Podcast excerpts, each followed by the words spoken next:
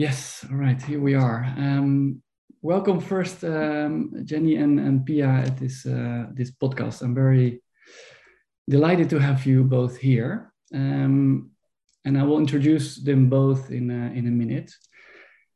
Uh, let me first introduce the, the podcast itself. It's a podcast of, uh, of me, of Pure Mindfulness, and um, this specific episodes are called The Wisdom of the Seeker. Um, and we'll talk about uh, topics around awareness or true nature or and, and also how um, the take of Jenny and Pia on their journeys and, uh, topics also they want to bring in. Um, yeah, and we'll see where uh, where our conversation uh, uh, leads. Um, and I'm very uh, very grateful to have you both here because you're two um, inspiring and uh, powerful woman. And um, and it was interesting because when I uh, started to think about this and invited uh, you both, I remembered when the first time I arrived in uh, in Buckland Hall. Do you remember that, uh, Jenny? I did was that the time when I picked you up from the yeah, station? Oh yes, that, like it was my first long retreat Yes.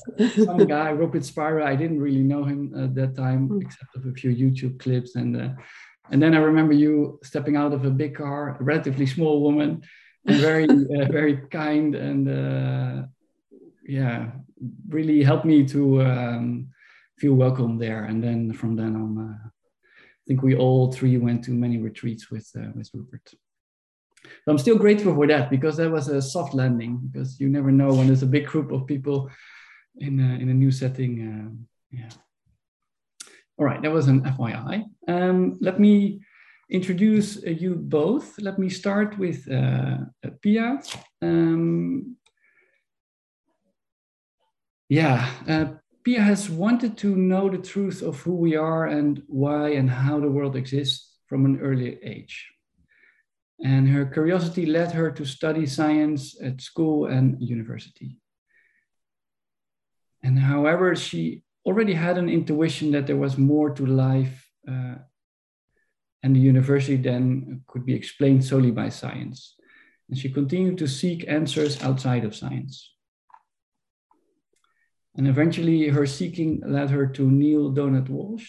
I, I don't know him, but I will uh, look him up. And uh, Eckhart Tolle, that one uh, I know. And then to Mooji, interesting uh, trajectory. And then Pia had several glimpses already of her true nature and of reality. And then came across the non-dual teacher of Rupert Spira and Adyashanti. And this uh, have led her to deepen her understanding of true nature. And she continues to go further in her knowing of being with, with them. And uh, Pia ends with Pia loves doing nothing more than exploring these matters and sharing her love of truth with friends, which we're very happy she is doing that with us now. So um, yeah, we have some questions for Pia. We'll go into that later. Um, we'll go again to uh, to to Jenny. Um, in her early 20s, Jenny Peel became already interested in the ideas of P.D. Ouspensky, and eventually found a way to Dr. Francis Roles. He, he was also a former student of Ouspensky. And in addition to studying Ouspensky's system, she was introduced to the Advaita system of, I tried to uh, practice this name, but maybe you can help me, Jenny. you want me to uh, the, try it? The, the Shankaracharya Shantanand Saraswati. Okay, yeah, I think you do it better than me. Yeah, thank you um, uh, a progressive path to self realization that involves the practice of mantra meditation. Then she continues, but after following that teaching for over 40 years, and despite having had clear and lasting glimpses of her true nature, there was still something missing. And her search for whatever it was, sorry, her search for whatever it was that was missing led her to the direct path and to Rupert Spira. So the teacher we all have in, in common. Uh, it was through his teaching that she discovered the permanent and imperturbable peace, happiness, and ease of being that is the birthright of all of us. That's beautiful said. Um, and after that, she desired to deepen her understanding Um, after that, her desire to deepen her understanding led her to Francis Lucille, which is the teacher also of Rupert Spira, um, where she discovered the freedom and the joy in living in not knowing.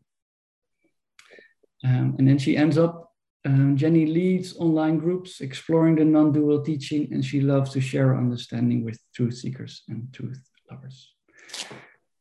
Also, very welcome to you, Jenny, and uh, to, uh, to you, Pia. Um, yeah, shall we dive into it? I have uh, some questions prepared, but I'm very free if uh, the conversation goes to other courses or you want to bring in something during conversation. So feel free to, uh, to do that. Um, the first thing I was wondering when I was preparing and reading the, um, the, the bios, but also when I invited uh, you, Jenny, was like, yeah, I call it the wisdom of the seeker, but I see you so well established in, uh, in, yeah, in, the, in the teaching and in awareness. Um, and I find the, the term seeking a seeker also an interesting term. So would you explain a little bit how you see the seeker and how you um, set yourself there? Yes, I I think the the seeker is really a stage in the spiritual path um, when you're not entirely sure um, what you are. Um, you're not entirely sure how to live your life. And you're not entirely sure what the universe is either and what the relationship between you and the universe is. So you're investigating. So I think it's um, very much a, a time of investigation. And then there, there comes a point, and partly it's uh, through investigation, and um, it can be through what's sometimes called higher reasoning um, but it's uh, it's really looking uh, in a rational way at mm. what we know for certain and what we don't know for certain. And uh, at some point, uh, I think there's uh, there's some doubt um, comes uh, comes in as to whether you really are just a body and a mind, and whether you um, whether what you essentially are is ever came into existence or would ever go out of existence. Obviously, the the body and uh, the the mind um, are, are, doomed to go out of existence at some at some point. But does that really mean that you are? And you, the, the, so a doubt uh, comes in uh, at that stage, and once that doubt comes in, so you're you're not entirely sure, then uh, at that point um, the the the seeking really um, doesn't die down completely, but it dies down a little bit. It becomes um, it becomes a bit more muted, and you're really exploring. Well, the teachers say uh, you are um, awareness. You are that which is aware of your experience. You're not an object of experience. You're that which is aware of experience and that that is unlimited and you're uh, you're exploring that and experimenting um, with, with, that and at, at some point it becomes more likely than not that mm-hmm. um, you feel yes i'm uh, i'm not just a body and a mind. I i am that which is aware of my experience. And i'm pretty sure that that that that's eternal. That never came into existence. Goes out of it. I might not be 100% sure but i'm actually pretty sure. And i think at that point you become a truth lover rather than a, a, a truth seeker. Yeah that makes sense. Um, and for me is that sometimes i um, um, i also know that i am let's say, but at, at the same time, also my system sometimes forgets it or is, is still seeking for something. Um, yeah, so yeah, okay. I get it. So, so that's what's with the conversation. Okay. Thank you, uh, uh, Jenny. Pia, do you want to comment on that or is that so clear that you think? Well, it's very clear. Um, I completely agree with Jenny. In my experience, I think similar to what you said, Mark, there's um, there's definitely a knowing, but there seems to be a little bit more backwards and forwards. At some cases, like you said, your system forgets, and sometimes this body mind forgets, and then there's you know there's sometimes a bit of a, a straying off or a wandering, and then a, a returning. Um, so I think that's something that I've experienced for quite a while. Definitely, there's a there's a, a sureness and a knowing of of true nature, and it doesn't mean that it's you know there's no guarantees that you it'll be you know 100% set in stone at least for me. So it's it's still a path and a backwards and forwards sometimes. Yeah. Yeah. Okay.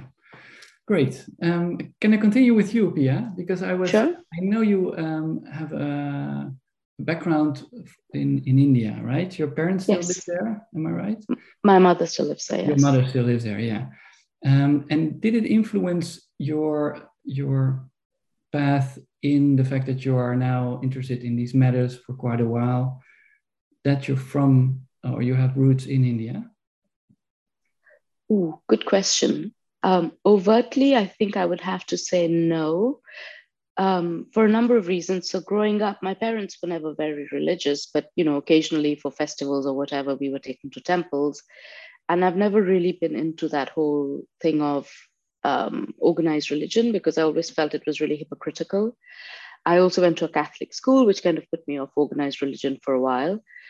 But also, I think there was this rebellious streak in me, which, you know, anything that was kind of the norm, I tried, I kind of rebelled against, right? So it was the norm to be interested in going to the temple and being a good girl and all the rest of it. So because it was what was expected, not necessarily by my immediate family, but by society, I kind of, you know, rejected it big time.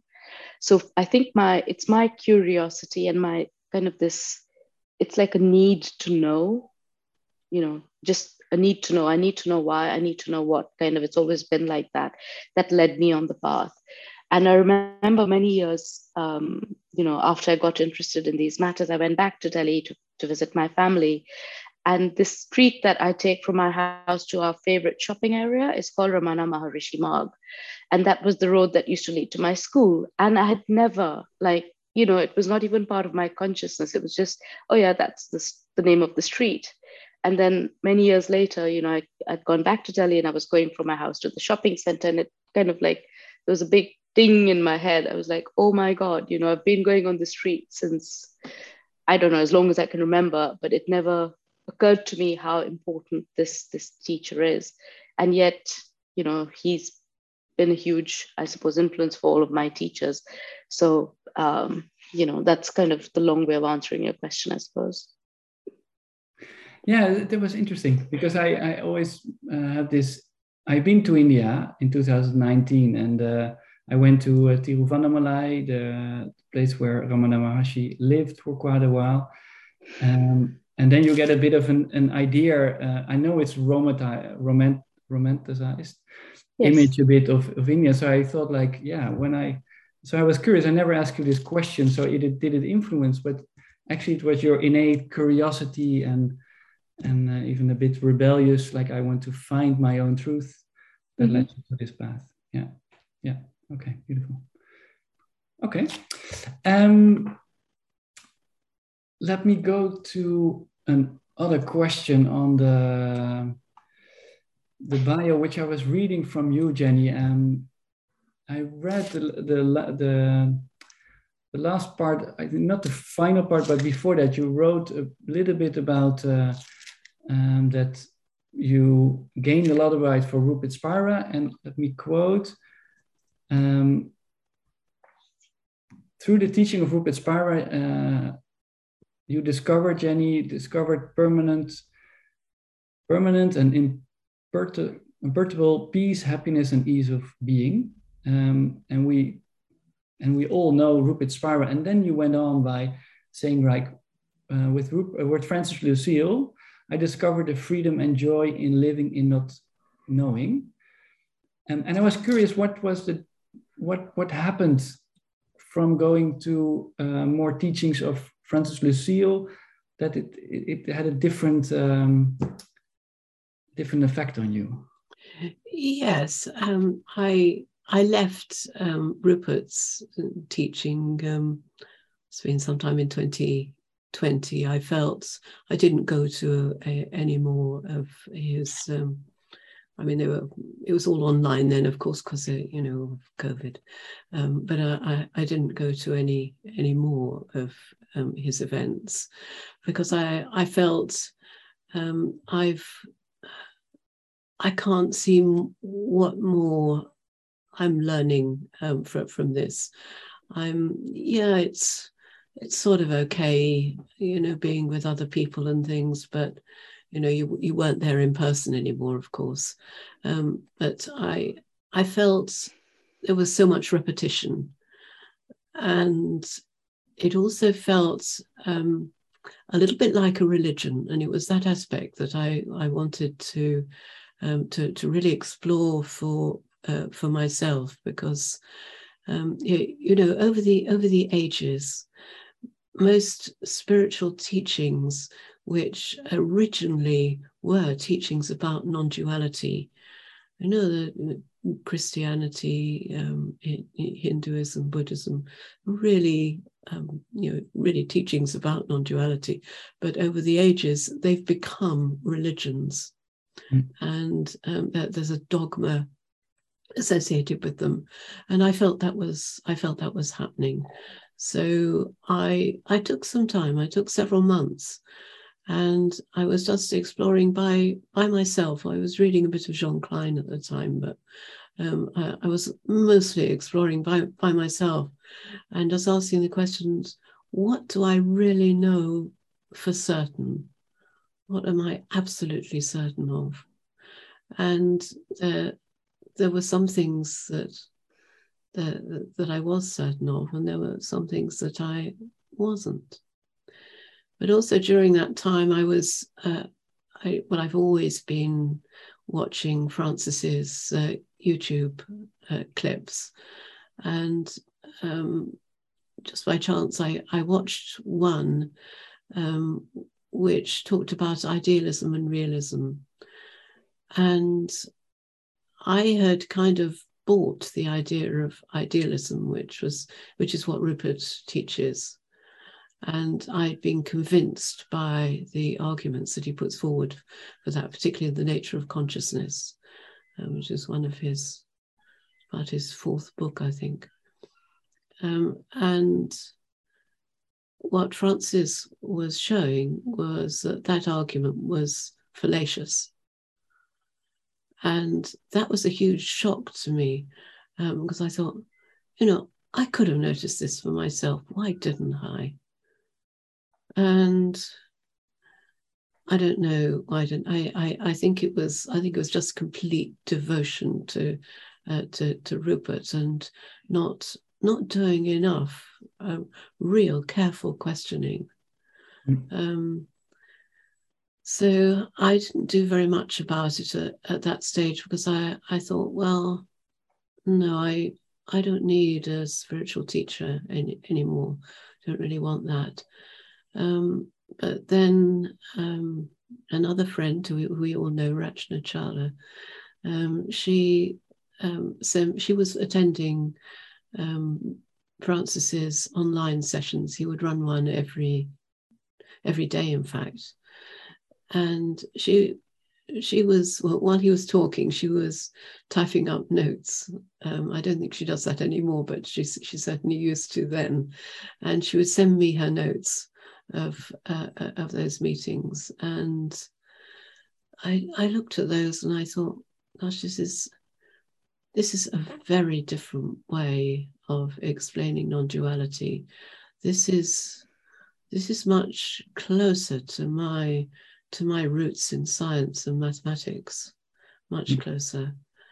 And so um, I, uh, uh, I, have always, uh, for, for a long time, I've been involved with Bill Free, who's um, uh, who's originally a, a, a, Course in Miracles teacher, but um, then went to Rupert and um, uh, for a while has been um, helping Course in Miracles people to come towards uh, the, the direct path.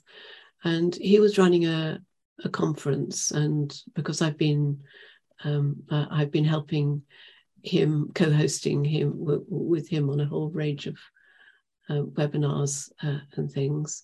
Um, he gave me free access to his uh, his conference, and Francis was one of the people there. And so I thought, well, I I'm going to ask Francis a question. And what has always struck me right from the beginning, um, when I first came across the direct path, was a, a quote from Jean Klein, which said, Live in not knowing, free mm. from memory. And I had asked Rupert about it, but I'd not got a, he, he'd not got to the core of what it meant at all. Um, he was talking more about knowing than not knowing. Um, so I thought I'll, I'll, ask Francis, and I got a very beautiful answer from him, and that was just the beginning. And so I've explored with him since all, all sorts of aspects of not knowing. Everything that I felt was in doubt from what I learnt um, with Rupert, um, I've subsequently checked uh, with Francis, and with one small exception, in every case, he, he's he's told me what I'd already worked out for myself without my giving him any indication of what I'd worked out. So uh, I felt we were much more in tune, much there was much more resonance there.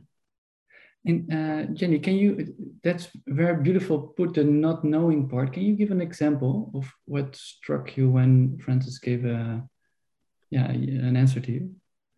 Yes, the um, the the answer he gave was that um, living in not knowing doesn't mean we don't know how to drive or we don't know how to work a computer. It what it what it essentially means is that we don't know what we are. We know that we are, but we don't know what uh, we are, and it, it's that that's uh, that, that's important. If you say, for example, I am pure consciousness, you're putting a label on, yourself and you're um, you're turning consciousness into a noun, into an object. Mm.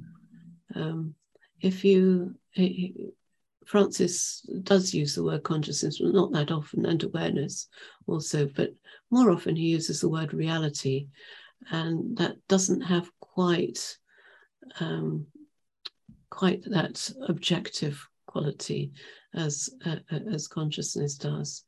So that's very helpful. So that's at the highest level, but there are levels much um, that are relate to practical life, which are, I think are, are really important too. Um, that you you don't know for certain um, whether someone who's behaved in a certain way is in ignorance or not, whether it comes from ignorance meaning um, a sense of being a separate entity. You, you don't know for certain. Um, we, we judge so often, we, we, we, we judge people. Mm. And um, in a lot of cases, it's you, you feel, well, yeah, I'm at least 99% certain, and that's okay as long as there's the 1% uncertainty there. As a you're, you, you're, you're not completely condemning anything or, or, or anyone. So that's one that's yeah. one practical example, and I, I think that's uh, uh I think that's really important. Yeah. Yeah, thank you, Jenny, for that. Yeah, do you want to uh, add anything to that, Pia, or comment on that, or good? no? Oh, it's beautifully put. Um, it's a it's something I kind of um, you know face every day, but more I suppose, well, at both levels. The the real level of unable to know in a way what we really are, because as Jenny said, you can't really, you know, it's indescribable. The minute you name it, you've diminished it, you've you've objectified it. So that's always um, a part of the the daily experience. And then there's the other not knowing about, you know, uh, oh, should I take this job? Should I take that job? Should I do this? Should I do that? You know, what would be right? And and sometimes that not knowing can be quite challenging because I'd love to know, and then you know, the mind just wants to know and then get on with it. And what I'm dealing with quite often is just the not knowing part is like, but I want to know. Um, so that's always like a, interesting to watch that kind of internal tussle sometimes. So uh, yeah, I'd love to explore that with Jenny another time, perhaps. Yeah, yeah, I, I resonate with you, uh, with you, Pia, with that, and um, with the going, being in not knowing, and at the same time also feeling feeling your system wants to get a handle on things. Like I, um, I have now, um, I'm doing a bit better, but I have restless legs. I, I shared it once, I think, in the meeting so it's a physical challenge and i feel that my system wants to get really a handle on it so um, uh, and that's also okay but um, yeah and you add also layers on uh, on that of uh, wanting to get a hold of it and also to to go back to you uh, jenny on the uh, i remember i went to the to nepal i went to uh, i think a 10 days retreat of buddhism and I found this is a different comparison than from Rupert to uh, to Francis. I can't compare myself there, but it was from the original Buddhism. There were so many layers around it, and I was curious, like, okay, what was the original teaching of, of Buddha?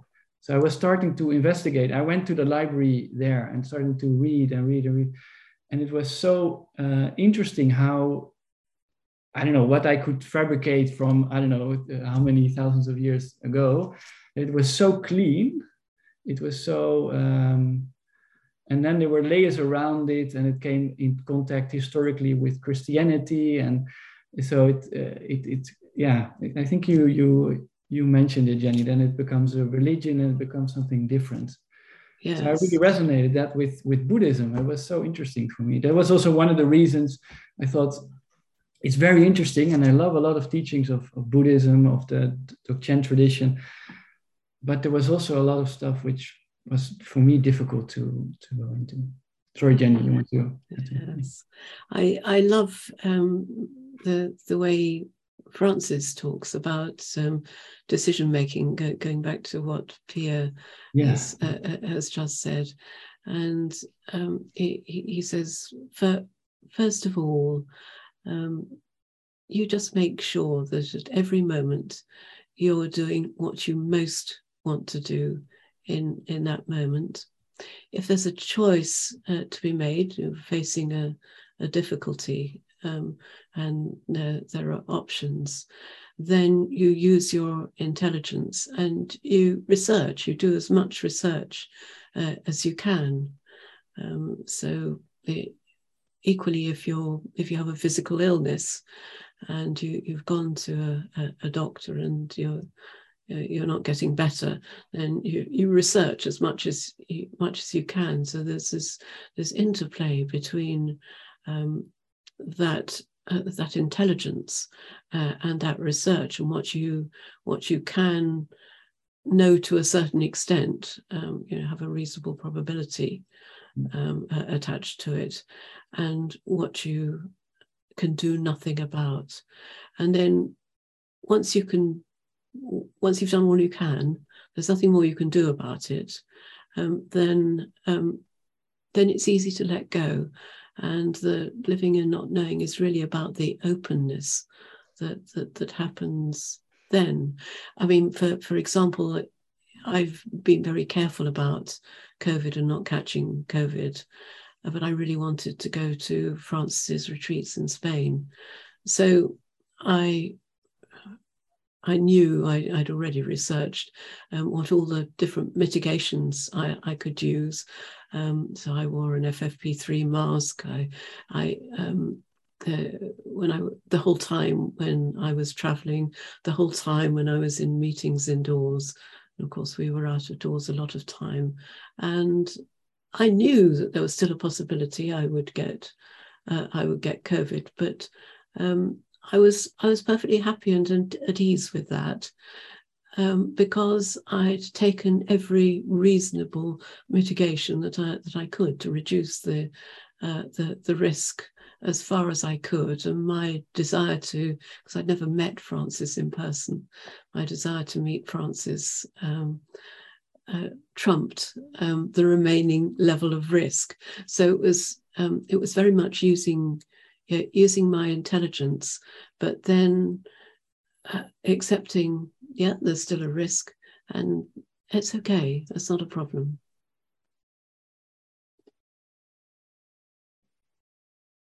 Yeah. Beautiful. Beautiful answer. What do you think, Pia? Is that, helpful? Oh, I'm really glad she used that example because I was really curious how she'd overcome her kind of concerns around COVID to go go all the way to Spain. So, but yeah, I mean, it's uh, it makes a lot of it resonates. It makes sense. There's you know, there's this thing about you can only do what you can do, and then you trust, leave the rest up to God or to life or whatever. So yeah. beautiful. Thank you, Jenny another question if we're going more to to uh, to life let's say how we live our lives and um, one of the things i am keen to hear from you about when we talk about also different teachers about trauma emotional healing and there are different viewpoints on that. And i'm always i don't want to say struggle but also have to find my way between understanding the teaching and let things be as it is but also um, uh, there's there's an element of your incorporating your body uh, of your emotions in your life. So that's a topic i um, and i might not be the only one which i would love to hear your take on. Yeah want do you want to kickstart or? Sure. Um, you know uh, it's i think there's there's some schools of thought that say that you should only stick to the meditation or the non-dual approach for everything. I tend not to go with that because I think you do what works in any moment. So if you have toothache, you go to a dentist. You don't sit and put on a YouTube clip of, you know, the peace of true nature or whatever. I mean, you might do both, but you tend to get help in the, the relative world as well. And with trauma, you know, there are I think there's a number of things that work for different people. Like in my own experience, I've had, uh, I've explored various different, um, I don't know, solutions, modalities, whatever you want to call them. When I was a lot younger, you know, I had, um, I, I remember the first big workshop I did was I'd just broken up with my boyfriend at the time, and I was just like a complete mess. And I went for the seminar, which was one of the most deep glimpses of true nature that I had actually, uh, which I didn't know at the time. I found out later. But you know, it was a seminar called the Man Woman Seminar. And at the time, my trauma and my pain was around heartbreak. So I, I don't know where I heard of it. I just went along for it. And it was what I needed at that time, you know, and it really helped me. In other times, I've worked with other modalities. Like, for example, one of the ladies I've worked a lot with in the past is she's a, a trauma counselor for women. Um, and it's about what works for you in the moment to help you process, heal, deal with what's bothering your body mind system, right? It doesn't necessarily mean that it's not necessarily always a permanent fix or a permanent solution, but there are there are things that your system or your body mind your soul needs in the moment and it's important to address that and equally what in my experience i found was that you know there's always been that deeper level of longing for truth. And um, so i've continued that too. So you know my answer is that i think we can all say that awareness doesn't feel trauma but you know if a log falls in your foot you feel the pain. So you have to deal with it. So it's important to do both and to, to tr- keep trying things and you know uh, do what works for you. And usually, in my experience, whenever I've needed something or someone, they show up. Uh, you know, it's in it's in my life, in my experience, and it's also about being open and trusting. Sometimes it doesn't mean that everyone you meet is going to be like this amazing healer, but quite often, um, more often than not, actually, in my experience, I've needed something or I've had a longing, either expressed or unexpressed, and that sort of materializes and it's about then just being open and exploring it and you know having discernment obviously uh, you don't just jump headlong into the arms of every quack you meet but you have obviously, like Jenny said, intelligence, you have the faculty to think and be critical. So you use your intelligence and your intuition. And so that's how I've kind of navigated that with my kind of own, you know, addressing my own trauma and pains and uh, dealing with them and coming to terms with them. And then finally, what I would say is there's always an, at least in my experience, there's always been an element of being with it, welcoming it, and also almost embracing it, uh, whether that's you know with the sitting with it or whether that's through a body uh, body-based somatic kind of an approach. And I've always found that at the heart of trauma is is love, you know, uh, at one level or the other. So it's it's a really profound exploration, if but it takes a lot of courage. it can be painful. Yeah, so I don't. I hope that helps. It does. It does. And and can I? Uh, it, it, was. There were a few things that popped in my mind. The, the last thing was that at the end of trauma, were you saying that there's love? In yes, in my experience, most of the time when I've had, you know, uh, when I've really gone deep into it, uh, whether it was I don't know childhood experience or whether it was terror in my soul or being, and when I went deep enough, I always found it was love at the end of it. Like mm. you know even grief which is a classic example right? You only grieve when you lose something or someone you love. So the heart of grief is love. The heart of fear is love actually.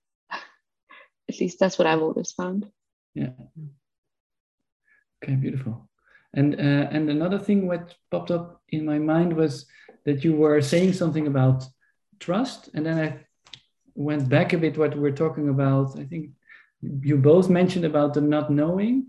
So there is also, I don't know if that's linked, but in my mind, it linked a little bit of even trusting life a little bit uh, of, yeah, and maybe uh, if I weave in correctly what Jenny was also saying, indeed, and you were saying also like use your intelligence, uh, investigate, check. And then uh, also, if you've done that and you don't know, then trust that yeah. life will come to you or something like that yeah. yeah and it does you know every single time i've had all kinds of strange things happen and show up and and when i've gone with them they've usually been really beautiful and profound everything from this seminar i talked about which you know was packaged as a seminar on relationships but ultimately of course it was about true nature because um, that's really the only game in town i think. And and you know or even shamanic um, studies or uh, non-duality. It's always been an appearance or something shows up, a book grabs my attention, I see a YouTube YouTube clip, a friend says something and something sticks. And you know, if your curiosity is piqued and you feel like something, or I feel like something, I generally go and I check it out. So, and it's never let me down yet. Yeah. Okay, thank you, Pia. Uh, Jenny, um, what do you like to say about this? Well, I, I liked what you said, uh, Pia, uh, about being open to all sorts of different uh, uh, approaches and um, partly investigating, partly going with your intuition, because I, I think there isn't just one uh, approach to, to trauma. I, I feel exactly as uh, as you do. It's it's whatever is is right for you in in that moment.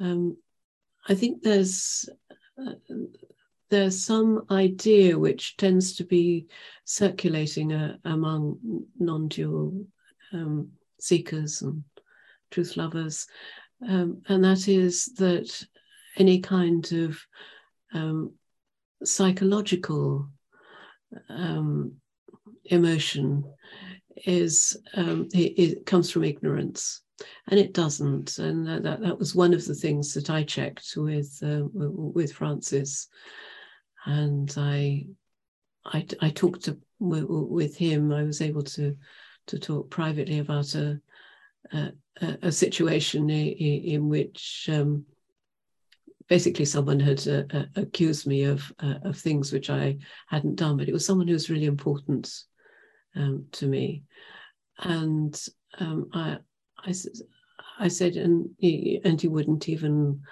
allow me to present. I, I had clear documented facts to show that I hadn't done what he said. And he wouldn't even um, uh, allow me to show those. And I thought, this is not, I felt angry. And um, I said, you know, when I when I remember it, I still feel angry. And he, he said, look, that's out, that's outrage. That's mm. that's natural. That's not ignorance. It, it's it, it's natural when we're accused of something that we're innocent of that um, that, that that we feel that we feel anger. It's it's okay. You just it's just there. You you don't do anything about it.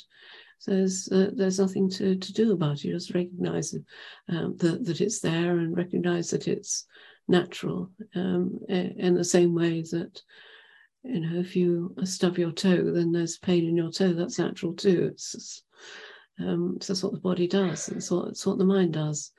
Um, and he, he, he said probably eventually it will turn into a kind of sweet sadness. Um, so I I think I think that's I think that's important because otherwise people can sometimes get the idea that they have to be so neutral, so dispassionate, and in a way that takes the love out of life.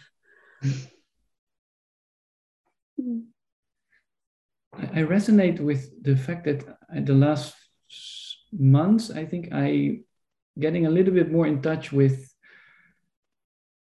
with being human or something with emotions like you were saying which i have lost a bit. Uh, in, indeed a bit of this neutral state of being in awareness and uh, so it's it's very uh, uh, yeah something that hits home for for me personally which i don't know which helps me to to that that makes sense to uh, to go down that path yeah yes it's it's really only when um, when something comes from a belief in separation that it's uh, uh, you know that it's ignorance yeah. Um, but there are a lot of emotions that don't. Gr- grief at the, you know, a loss of a close family member, for example. That's it's, it's perfectly natural. There's, yeah. there's no ignorance attached to that. No, no. Yeah. Thanks. All right, that's going to be uh, interesting so far. Um, there are various topics. Let, let me uh, go into the topic I thought about in the beginning when I think Pia was talking about the road you went on of Ramana Maharshi, and uh, and then my mind went went to to silence, um, and I know in theory that silence I read in the books is so important and it's uh, meditation and but it's it's starting to dawn on me that uh, I think Ramana Maharshi, but correct me if I'm wrong, is saying something like uh, silence is the best teacher. Yes. correct? Something that, yeah. And the highest teacher, I think is the phrase. The highest teacher. Yeah. And um, but uh, let me just ask, uh, how do you see that silence part? Because for me, it's getting a more important thing, not only silence outside uh, in the world, but also silence in me, not even looking for that, but somehow seeing that. And then, yeah, anyway. Does my question make sense or? Yes, it makes sense. Are you asking Jenny or I? Both, both, yeah. Who, who is fastest? Okay, go. it's like mastermind Jenny, so I'm going to jump in. you know, um, yeah, silence is is becoming more important to me too, actually. Um, I remember we were at the Adya retreat, retreat together some years ago, right, Mark? Um, and that was my first, well, not really my first silent retreat, but I remember that complete sense of stillness and, and profound peace that I experienced from there. Um, and that's been something that I've gotten more um, acquainted with and also more, um, you know, happy to have as a part of my life. And, and so silence is becoming or has become a really key part of my um, exploration, I suppose. So I, I listen to a lot about there. I sit in silence a lot. And I used to be, I still am in many ways, a really extroverted person, right? I love being out and about and, you know, all the rest of it. Um, but I notice more and more there's like very strong need to have me time, space, silence, and stillness as well to kind of almost maybe to balance the extroverted part of my my my my nature. Um, yeah, it's so comforting, isn't it? Silence. Yeah. Yeah, thanks. Yeah, and Jenny, how about you? Yes, so silence um, for, for me is just something that happens, and sometimes it it doesn't. And I don't I don't have a, a practice of sitting in silence when I feel like just sitting down and closing my eyes and being silent, then then I do that for as long as I uh, uh as long as I want to.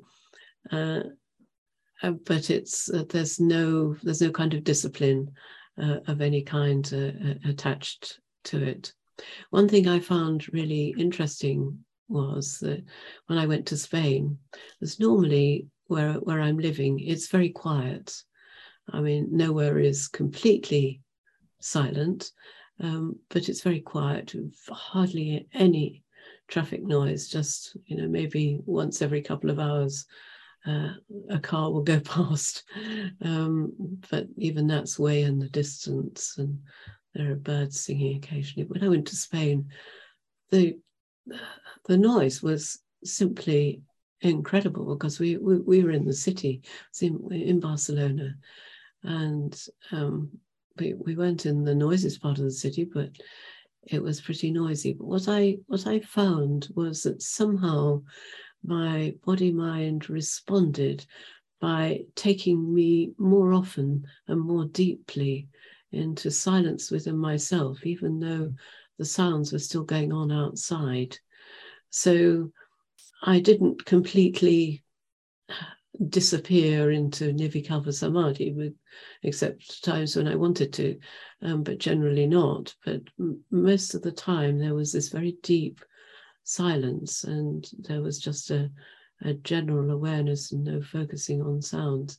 And I, I thought, no, this is this is quite strange because at home, um, I'm there's less, there's fewer periods of uh, of silence in, in my life, um, and I think it's uh, I think it's because the outer environment is is so quiet. So quietness will happen, then it will stop, then it will happen, then it will stop. Um, I asked Francis about this, and he said, "Well, yeah, that's just natural. Sometimes, at some points uh, in our lives, we find a need for a huge amount of silence, and he never sits down in silence either." He does not. No. No. Okay. Yeah. yeah. yeah.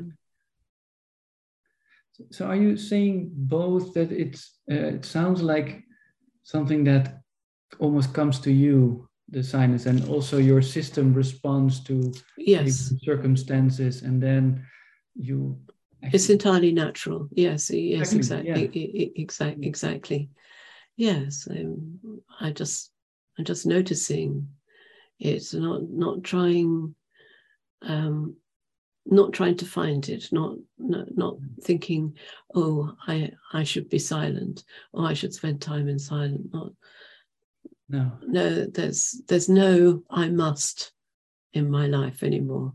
that must be nice. Yeah. It is nice.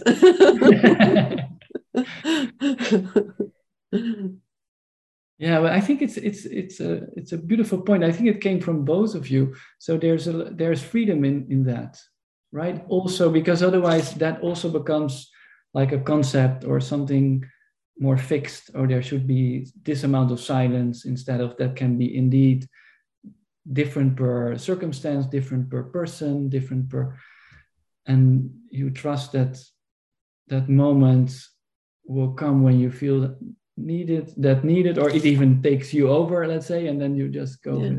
yeah, yeah beautiful okay. Um there are two questions there are more questions but um, i would like to give you a bit of space if you feel like um, one of the questions i always like to end up with is two actually one is if you have any advice for people who are listening to this uh, who are on this journey. I think they already can get quite a bit of what you both have been saying so far but maybe there's something else you both like to add and then the last question would be if there's something else you like to uh, ask each other or uh, comment on so let's first uh, do um, what, what kind of advice can you give people who are on this spiritual path, seeking, maybe not seeking. Yeah. I think following your happiness, just being clear, having clarity, being clear about what really makes you happy, really, really looking into to that. That's the that's the start of the spiritual path. It's the middle of the path, and it's the end of the path. Mm-hmm. I think. beautiful. I never heard anyone say that succinct and uh, and, and, clear. Um, and can you? Uh, it, I'm always uh, find it a bit difficult. I almost not want to comment on it because it's such a beautiful statement on its own. But can you give a little bit of um, how do people do do that? Uh, how do they translate that to their lives? Follow your happiness. Is that yeah. Yes.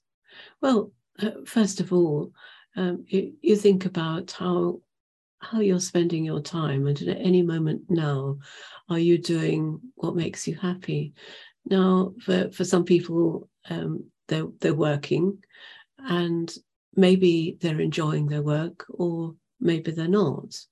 So, if they're not enjoying their work, then uh, again, it's using your intelligence and saying, well, can I work for a different company, or perhaps maybe I can work for myself, or um, work in a different way, use my talents in a way which I will enjoy, mm.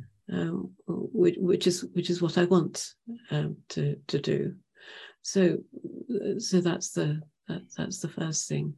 But you know, when you get home from from work, what what do you really want to do? Maybe you, you don't have to do, you don't feel that you should be doing something spiritual, for example. Um, you know, maybe you just want to watch something on Netflix. Um, and that, that, that that's fine. It's it, it's whatever you want. But what's important is to make sure that um, when you're making that uh, that choice as to what to do next, um, that you're not doing it from a sense of lack. You're you're doing it from happiness, from joy. Yes, this is this is what I don't, this is what I really want to do right now, and I'm going to do it. And that's that's uh, it's a lovely way to to live life, and it it does in the earlier stages that that does bring you far more glimpses of your true nature and then in the later stages it's it's just natural it's how you live.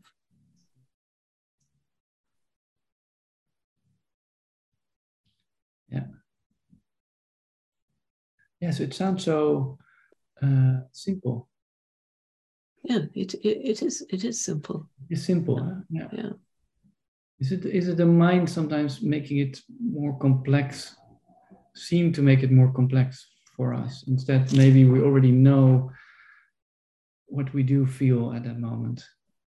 Yes, it, it, and it's um, it's asking yourself, am I am I doing this um, because I want to I want to feel more important, or I want people to like me, or I want to fit in with society all of those things um, are doing something from a sense of lack, and you know really for yourself that they're they're not what you really want to do in in this moment.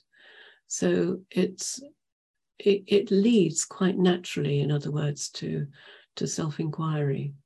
Yeah, and and also, and uh, correct me if I'm wrong, if you don't know, which can happen where it is, that it's also fine. You just yeah be with that yes yes yeah yeah okay beautiful i think that's definitely something uh, people can take home.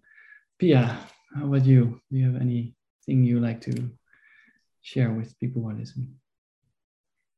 Yeah, just what I said earlier about trusting, you know, that the this everyone's on the same kind of um, journey and the, the thing that we seek, the thing that we think we're chasing is actually calling us in probably more than we realize. And that, you know, life in itself doesn't make any mistakes. It's just, this is just trust that you're okay, that it will be okay, and trust your inner impulses, your intuition. Um, you know, when they feel right and when you feel called to something, follow that and trust that what you're looking for is looking for you and will find you. I think trusting the journey and, and life is really um, is really something that we can all do more of. Yeah. Beautiful. Um, maybe for the last few minutes, is there anything you one of you would like to add or a topic you feel like we haven't we missed or we have lost depth of, of or are you both good i think one one thing that sure. i feel is really important and worth everyone investigating um, is whether we choose our thoughts and if you really investigate that, it, it becomes obvious that we don't. And mm. sometimes people stop there. But what they don't see is all of the implications for that. Um, because the, the implications are that um, there's there's nobody there's nobody guilty of uh, of anything, and that it's quite a hard thing to um, to to recognize either in oneself or in or, or in other people. But I I think it's I think it's important. In other words, the, the universe is responsible for everything that happens. There are no separate entities that uh, are making things happen. Um, there's nobody doing this to me. It's um, it's a it's a way of uh, of seeing um, how life is just this interconnected set of happenings with, with no one no one responsible no one doing. Yeah beautiful. I, I get it. And why do you feel that it's so important to uh, let people know that? I think because uh, many people have a, um, a a sense of uh, of guilt about things that have happened in uh, that they've done in their past, or else they um, they, they feel um, uh, uh they feel that other people are, uh, uh, guilty and they have a kind of hatred towards other people. And particularly in our society at the moment, there's tremendous um, divisiveness um, in the UK, there's there's enormous divisiveness. Um, I think it started with Brexit, and uh, you know you were you were divided in uh, into Brexiteers and uh, and Remainers, and um, so so it divided the nation. COVID divided um, the the nation. Um, uh, the nation is is still divided in its um, in its response to how the, the government is managing the economy, is managing the Northern Ireland situation. There's there's tremendous divisions, and there's a kind of um, hatred is maybe quite a strong word, but, but there tends to be hatred of people on the other side. Mm. Whereas. I, I, think if you really understand that these are, uh, are just waves of uh, feelings, of ideas that are happening in society. Nobody's nobody's doing it. Nobody's um, responsible. Boris Johnson wasn't responsible for Brexit. It was going to happen. You know, um, the universe is is responsible. Um, and I, I think it's a way of healing some of those, understanding that is a way of healing some of those divisions. Yeah, I get it. And I'm, I'm glad I, I asked a follow up question that you elaborate the last few minutes this, because that's really, really helpful. Yeah. Thanks for bringing this point in, uh, Jenny. Pia, are you uh, good or? I'm good. Thank you. Good. Okay, great. So we did exactly on a perfect best time management thing ever. Uh, it's more or less an hour. So for the people who have been listening, um, I hope you get uh, quite a lot of things out of it. I sure did, um, and it was a. I already knew it was going to be uh, interesting, but it really turned out to be so. So thank you both for uh, for sharing. Uh, yeah, sharing whatever you shared with me and us. Thank you for that.